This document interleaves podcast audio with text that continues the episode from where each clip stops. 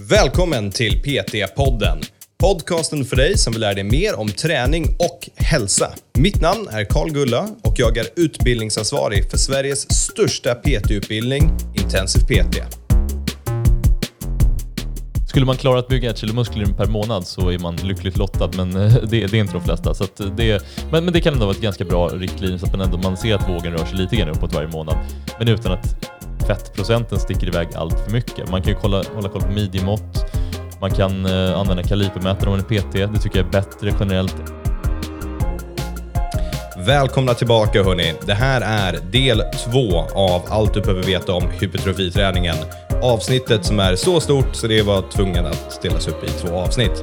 Om du inte har lyssnat på det första avsnittet, då bör du göra det innan du lyssnar på det här avsnittet. Det släpptes förra veckan, så det borde vara det avsnittet som är precis innan i flödet, oavsett vart det är du lyssnar på PT-podden. Så gå in och lyssna på det och sen lyssna på det här. Det finns inte jättemycket mer att säga. Det här är verkligen bara, bara bra grejer. Så nu fortsätter vi prata om hur man bygger stora, underbara, härliga muskler. Varsågoda.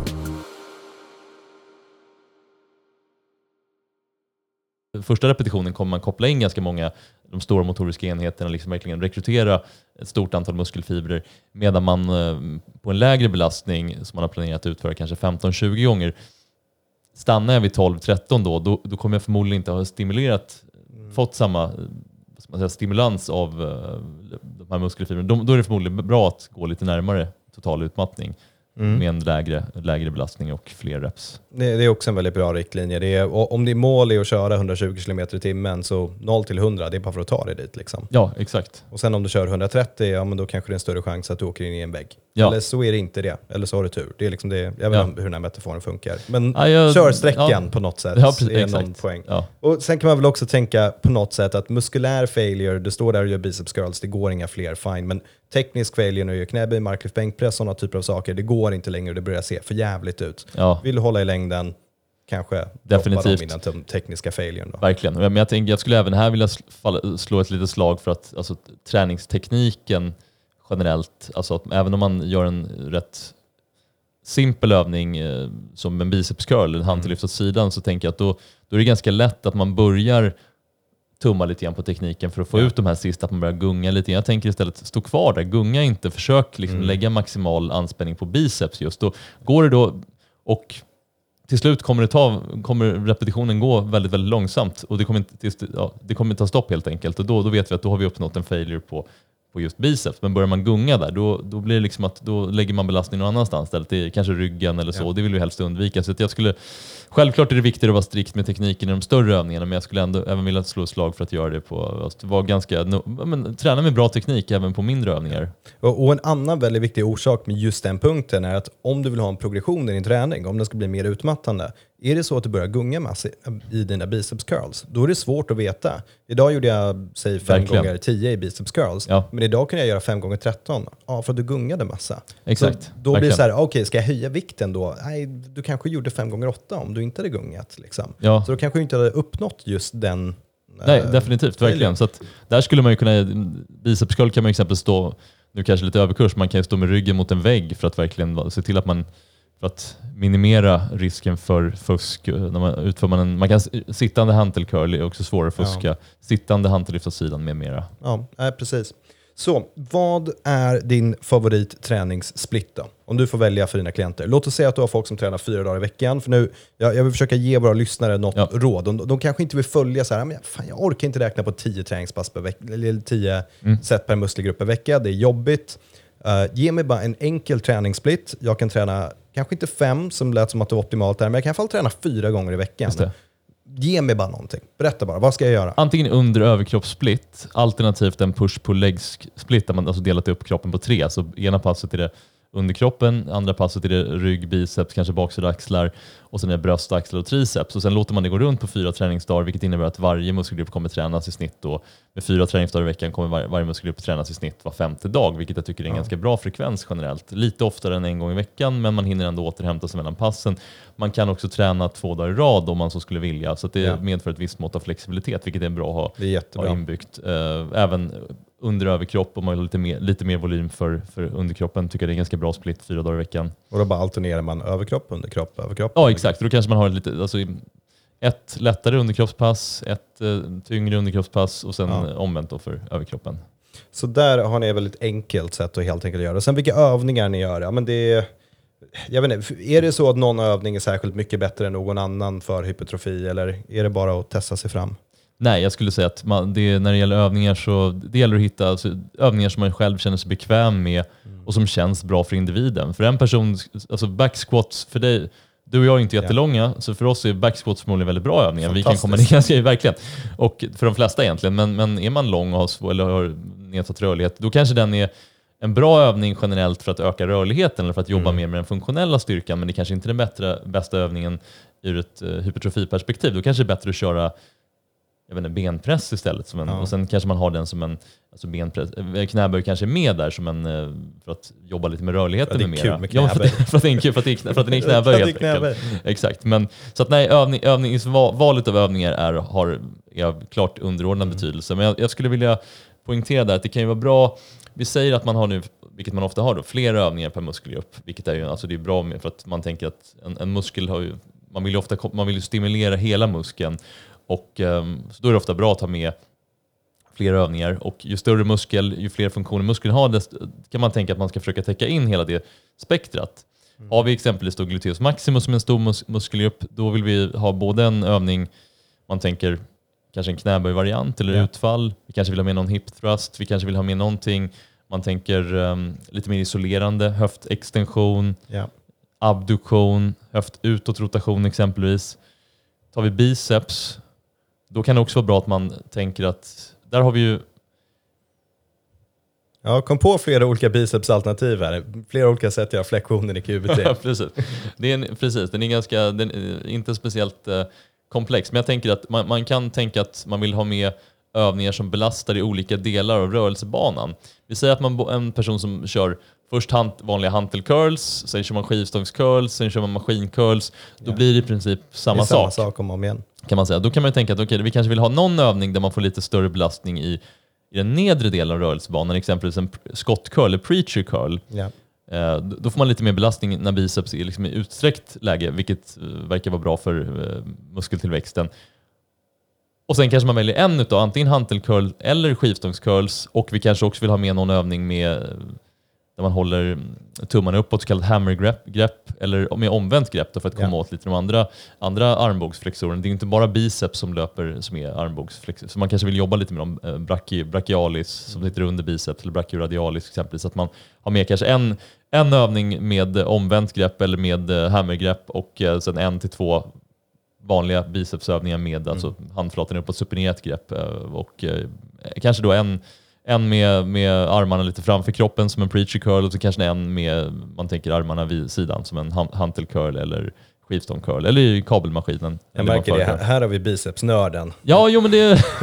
fan, fan, du fick mig där. Alltså, det var, Ja, det syns också. Det är någon som kan sina biceps curls. ja, jag vet inte det, men ja, jag har... Ehm, Så jag, jag känner, vi har täckt det här med själva träningsbiten ganska bra nu skulle jag vilja säga. Men Ja. det, så här, det är stora muskler, det kommer inte bara från träningen. Om du förkastar din kost då eh, kommer det väl inte gå så bra heller. Så vi kör en lite så snabb breakdown av hur man behöver tänka kring kosten när, Ja. man, eh, ja, när, när målet är hypertrofiträning och bygga större muskler.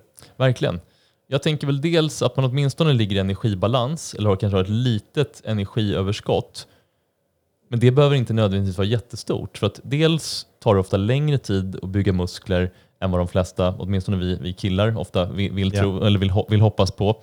Och eh, det genetiska taket är ofta lägre också tyvärr. Så att man, man eh, Generellt sett kanske man kan bygga muskler i bästa fall kanske så ett halvt till ett kilo per månad eller någonting i den stilen. Mm. Men det är, det är framförallt en person som inte har tränat så länge. Men, men Ja. vi som har tränat ett antal år, vi, vi, vi kan förmodligen alltså vi får nöj, vara glada med ett par hekto i månaden. Om ens det. Jag var jätteglada. Förmodligen. Sen är det ju såklart individuellt där, men det kostar in, kostnaden för att bygga ett kilo jag, ska säga, jag har gjort lite efter, jag har skrivit ett blogginlägg om det här som vi kan länka till sen. Ja, jag, jag tror att jag landade någonstans i där, nu, nu får ni ta det här med en liten nypa salt för jag hittade inga jättebra referenser där, men att, att kostnaden för att bygga ett kilo muskelmassa skulle vara någonstans kring 5000 kilokalorier, alltså ett överskott på det. Och tänker vi då att okej, jag kan bygga i bästa fall kanske halvt kilo per månad. Mhm. Så det, då skulle det räcka med ett överskott per månad på 2500 kilokalorier. Och det är alltså typ knappt 100 kilokalorier per dag, inte Mm. jättemycket. Sen kanske man väljer att avrunda lite uppåt, men jag tycker att många gör det felet. De tänker att nu ska jag bulka, nu ska jag överäta, nu ska jag bygga Ja. muskler. Och sen blir det istället så att okej, man kanske får lite mer muskler för att man är, överäter lite mer, men fettmassan sticker iväg väldigt mycket. Och om slutmålet är att få mer muskler och mindre fett, då tycker jag att det kanske inte är en jättebra strategi, utan då Ja. kanske det är bättre att ha en lite längre muskelbyggarperiod, acceptera att det, tar lite, att, det, att det går långsamt, att det tar lite längre tid och att man lägger sig på ett lite lägre eh, överskott. Man kanske börjar med plus 100-150 kilokalorier extra per dag och sen eh, får man justera utifrån hur vikt och kroppssammansättning förändras efter kanske efter varannan vecka eller en månad man kan, kan man utvärdera och eventuellt då plussa på lite grann. Och sen kanske man låter den här muskelbyggarperioden ta 6-8 månader eller någonting i den stilen. Och efter en sån period då kanske man har gått upp 4-5-6 kilo i vikt varav i bästa fall hälften kanske är muskelmassa och sen kommer det vara en del fett, men då är det Ja. ganska lätt. Då, då är det inte jättemycket fett, så då har man förhoppningsvis är det inte allt för svårt att ehm, få bort det sen. Så, så om jag, vi spelar in det här nu i mitten slash slutet på februari och om jag vill ha mer muskelmassa till beach 2022, om jag Ja. äntligen ska klara det här, Ja. när, när tycker du jag ska börja då? Kommer Ja, säga idag, eller hur? Ja, idag. Precis. Exakt. Det, är verkligen. Sen är det frågan, vad är slutmålet? Vill du, komma i, vill du också vara deffad då? då? Då är det frågan, vilken ände ska vi börja i? Och Ja. Då skulle jag, så att har jag en klient, då vill jag ju titta lite grann på, okej, vad, okej, när, när, när, när vill du vara, vara i bra form? Och hur, vad har vi för utgångsläge? Vad är, vad är fettprocenten idag? Och om den redan är lite hög, då kanske vi börjar med att skala bort lite fett först, innan vi lägger oss på ett övers, energiöverskott. Ja. Och jag tänkte också nämna det att så energiöverskott är väl lite lagom stort, inte nödvändigtvis jättestort energiöverskott. Mhm. Eh, och sen att man har en bra balans också mellan makronutrienterna. Och när det gäller protein, som är synonymt med eh, muskeltillväxt, de har väl sett att någonstans mellan 1,6 och 2-2,2 gram protein per kilo kroppsvikt och dag är lagom. Mer protein behöver inte vara sämre, men givet allt annat lika så genererar inte det mer, alltså en ökad muskelmassa. Ja. Och sen får man hitta en bra balans mellan fett och kolhydrater. Då tänker jag att det kan vara smart kanske inte lägga sig att man, man, kanske inte, man vill inte lägga sig för lågt på fett, helst inte under 20 energiprocent fett, men allt mellan kanske 25, 30, 35 energiprocent fett och resten kolhydrater är förmodligen helt okej. Men jag brukar inte räkna på det- jättenoga, utan jag brukar sätta lagom energiintag, proteinet och sen bara se till att, fett, att, man, att man hittar den här balansen mellan, pro- mellan eh, fett och kolhydrater. Och en, en del känner att de eh, mår bättre med lite mer kolhydrater och andra känner att de blir lite tröttare och sådär. Men jag tänker att det, och det också, står också i relation lite grann till hur, hur många dagar i veckan man tränar, eller träningsvolymen såklart. Är det en person som tränar fyra fem dagar i veckan, då kommer förmodligen kolhydratdelen vara lite större. Ja, jag tänka mig. Men, Och, och om vi tar proteindelen Mm, där, för ja. då snackar vi om 1,6 till 2-2,2 gram protein Ja. per kilo kroppsvikt. Vad, vad tror du att gemene Svensson som kanske lyssnar på det här avsnittet, som är bara fan, jag hittar clickbait, allt behöver veta om hypertrofiträning, fantastiskt. Vad, vad tror du någon som äter liksom husmanskost och kanske inte tränar så jättemycket, vad, vad tror du att de ligger på? Bra, för, alltså jag, min, enligt min erfarenhet så är det ju, de flesta får väl i sig en bra proteinmängd till lunchen och middagen, men kanske inte så mycket mer än det. Man kanske liksom halvdant på frukosten, inte så mycket mellanmål, så att jag vet inte, man kanske landar på 1, 1,2 eller någonting Ja. i den stilen. Så att upp Det- lite grann. Det är ganska Bara en långt, ren gissning. ja, det, det är ganska långt ifrån ofta upplever jag. För Ja. man är liksom, ah, okej, jag åt lite kyckling till lunch eller middag och sådär, men då är det 60 gram protein. Jag, om jag ska upp i 2 gram, jag väger 75, det är, så, det är liksom det är 150 gram protein per dag. Verkligen. Det är en ansträngning att komma Ja. dit. 1,6 är betydligt mycket enklare. Ja. Men det är ändå det är en viss ansträngning. Så vill man ha det här lite enkla tipset som folk lyssnar på, här, det är förmodligen få i dig mer protein. Uh, generellt tips, men Ja, förmodligen. Om du inte aktivt vet att du får i dig mycket protein redan nu. Verkligen, och där är ju lite grann, alltså menar, å ena sidan har vi liksom, man tänker fitnessvärlden, vi som redan tränar, är lite kvargmaffian som, Ja. som jag brukar säga, där man, där man kanske har en tendens att alltså, över, överdriva proteinintaget och sen har vi då gemene man som kanske äter ett par mackor eller flingor till frukost. Man eh, eh, ja, får i sig lite protein då till lunch och middag men inte så mycket mer än det, så då, då ligger man i underkant. Så att nå, lägga till någon bra proteinkälla till frukosten och kanske ett mellanmål också så är man ju Ja. på rätt spår där skulle jag säga. Att man, Absolut, det kommer göra skillnad. verkligen. Eller gör som jag gör, kör dubbel proteinshake till frukost och efter, eftermiddag. Okej. Ja. Jo men protein, proteintillskott ska jag säga, det, det är absolut inget måste, men det kan vara ett praktiskt sätt att få i sig lite extra protein. Som ett gott sötsliskigt mellanmål eller Ja. runt träningen. Men, och även generellt öka proteinintaget om man har svårt att få i sig det det via kosten, men det är absolut inget måste. V- vad har vi för typ av timingfrågor här? Liksom måste jag göra det precis efter träningen? Att jag måste få i mig protein och kolhydrater då, annars så förlorar jag alla mina gains? Eller?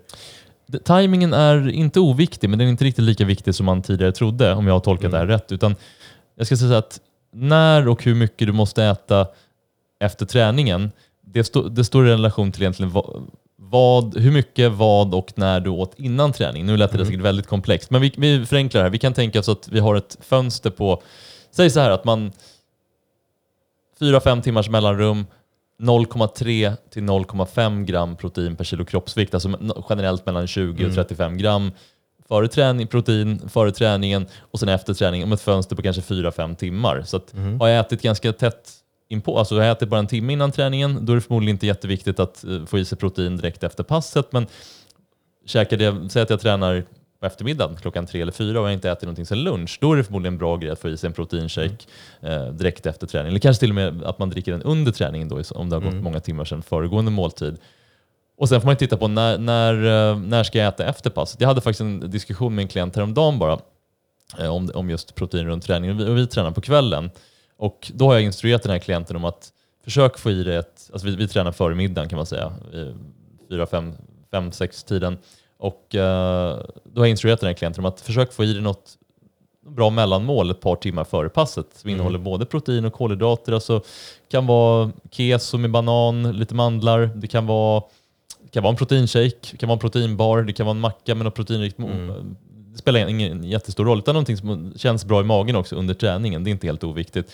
Och ehm, om du vet sen efter passet, nu ska jag hem direkt och äta middag, då behöver du inte ta någon protein, eh, drink, eh, proteintillskott eller något sånt där. Men vet du nu att nej, men jag ska åka och handla och sen kommer det middagen dröja några timmar, då kan du ta en proteindrink just in case. Så Ja. att säga. Men så att det handlar lite grann om kontext där. Så tajmingen är inte oviktig, men det är inte jätteviktigt att man direkt efter passet, eh, vad heter det, man, alltså väntar man en timme i de flesta fall eller två så är det förmodligen inte hela världen. Utan därför man, det viktigaste är förmodligen hela dygns, alltså man tänker att proteinintaget över dygnet snarare än enbart runt träningen. Timingen är framförallt viktig för elitidrottare som ibland kanske tränar flera pass om dagen och då både med proteinet och även kolhydraterna för att återställa glykogendepåerna. Men den biten är lite mindre viktig skulle jag säga för just eh, gymtränande. Ja, för det är ju många som är nitiska i det här. De lever efter mantrat om de inte får i sig sin proteinshake efter träningen, då var träningen helt i onödan. Ja, Och riktigt så hårt draget är det ju inte. nej verkligen. Utan man får titta lite grann på helheten och även vad man har åt innan träningen. Alltså, som sagt, ska man träna, tränar man efter jobbet, då tänker jag ja, men ta ett proteinrikt mellanmål en, två timmar före passet, kanske lite kolhydrater också för att man orkar prestera. Och sen se till att, vet man då att ja, jag ska ändå hem och äta middag, då kan man åka hem och äta middag, se till att Ja. middagen innehåller en tillräcklig mängd protein, 25-35 gram eller någonting i den stilen beroende på vad man väger. Och, och kommer det dröja längre tid än det, då kanske man tar en proteindrink då, eller nå- något annat proteinrikt mellanmål, det, mellanmål eh, emellan. Mm. Men, och tränar man tidigare, då kanske man, säger att man tränar så på helgen, brukar jag själv träna vid eh, tvåtiden. Då kanske jag äter lunch runt 12 för att jag är en vanemänniska även på helgen, så rutin, håller mina tider. Ja, men då kanske jag tränar vid två, halv tre. Efter det passet, då är klockan kanske halv fyra, fyra. Då vet jag att ja, men det kommer dröja några timmar till middagen. Ja, men då tar jag en proteinshake nu. eh, För att det, nu var det ändå ett antal timmar sedan jag käkade och eh, av praktiska skäl. Så då, då, kan det vara, och då kan det vara gott att dricka en proteindrink efter träningen och kanske med någon banan eller någonting där till för att få, upp eller få, i, få i sig lite kolhydrater också. Men att det handlar just om kontext, när man tränar, vilken tidpunkt man tränar, vad man ätit innan och när man planerar att äta nästa måltid. Ja. Så den här podden heter ju ändå PT-podden och på något sätt så är den ju inriktad till alla som vill lära sig mer om träning, men framförallt PTs. Och en viktig sak som vi erfarna PTs vet är att vi, vi behöver ju mäta det här över tid. Ja. Det, om vi inte gör det, då kommer klienterna glömma bort om vilka otroliga prestationer de har gjort. Verkligen. Så, så vad är dina sista tips här när det gäller just eh, personliga tränare eller om någon kanske vill göra på sig själv? Hur ska de försöka tänka kring att uppnå de här målen och kanske mäta sig själva? Ja, jag, tror, jag tänker dels att man kan mäta viktförändring över tid. Man kanske kollar lite vikten, håller koll på den viktförändringen varannan vecka, var tredje vecka, en gång i månaden eller någonting i den stilen. Och för att bygga muskelmassa då vill man att kroppsvikten ska öka, röra sig långsamt uppåt över tid. Kanske plus ett kilo i månaden eller någonting i den stilen. Då kommer inte alltid vara muskler såklart.